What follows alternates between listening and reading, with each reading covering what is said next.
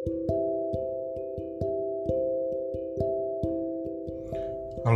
ketemu saya lagi di Gananggara ya di program Tubir Santuy.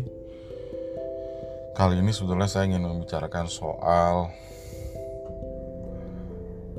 penanganan perkara hukum ya yang didorong oleh uh, viralnya kasus tersebut di media sosial. Ya tentu Anda semua ingat ada banyak kasus yang viral dan uh, kemudian direspon cepat oleh uh, para penegak hukum ya. Ada banyak kasus-kasus seperti itu eh, baru-baru ini misalnya kasus yang menimpa Novia Widyasari yang bunuh diri karena dugaan sementara memang diperkosa dan kemudian dipaksa untuk melakukan aborsi kemudian ada kasus lain di Unri misalnya eh, kekerasan seksual dan banyak kasus-kasus lain yang dia viral lalu baru uh, direspon dengan sangat cepat. Umumnya kasus-kasus itu sebetulnya pernah dilaporkan, sayangnya kemudian uh, tidak ditanggapi dengan cukup serius.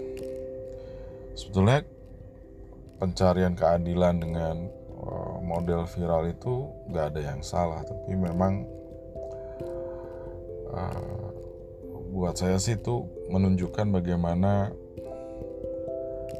masyarakat tidak percaya dengan hukum dan masyarakat tidak percaya juga dengan sistem hukum yang bekerja yang seharusnya mampu memberikan respon yang memadai dan mampu uh, memberikan perlindungan yang cukup terutama buat korban-korban kejahatan ya. Apalagi kalau ini kalau kita bicara korban kekerasan seksual tentu dimensinya Eh, jauh berbeda karena di situ ada tidak adanya tidak hanya ada serangan terhadap tubuh tapi juga terhadap kehormatan dan harga diri. Tentu ini situasi yang sangat kompleks.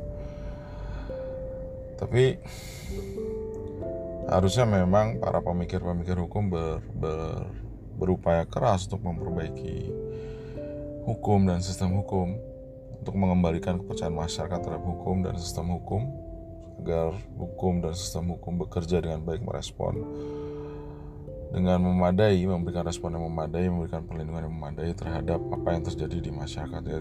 Sehingga tentu keadilan itu harus bisa dirasakan oleh semua orang tidak hanya karena kasus tersebut viral di media sosial.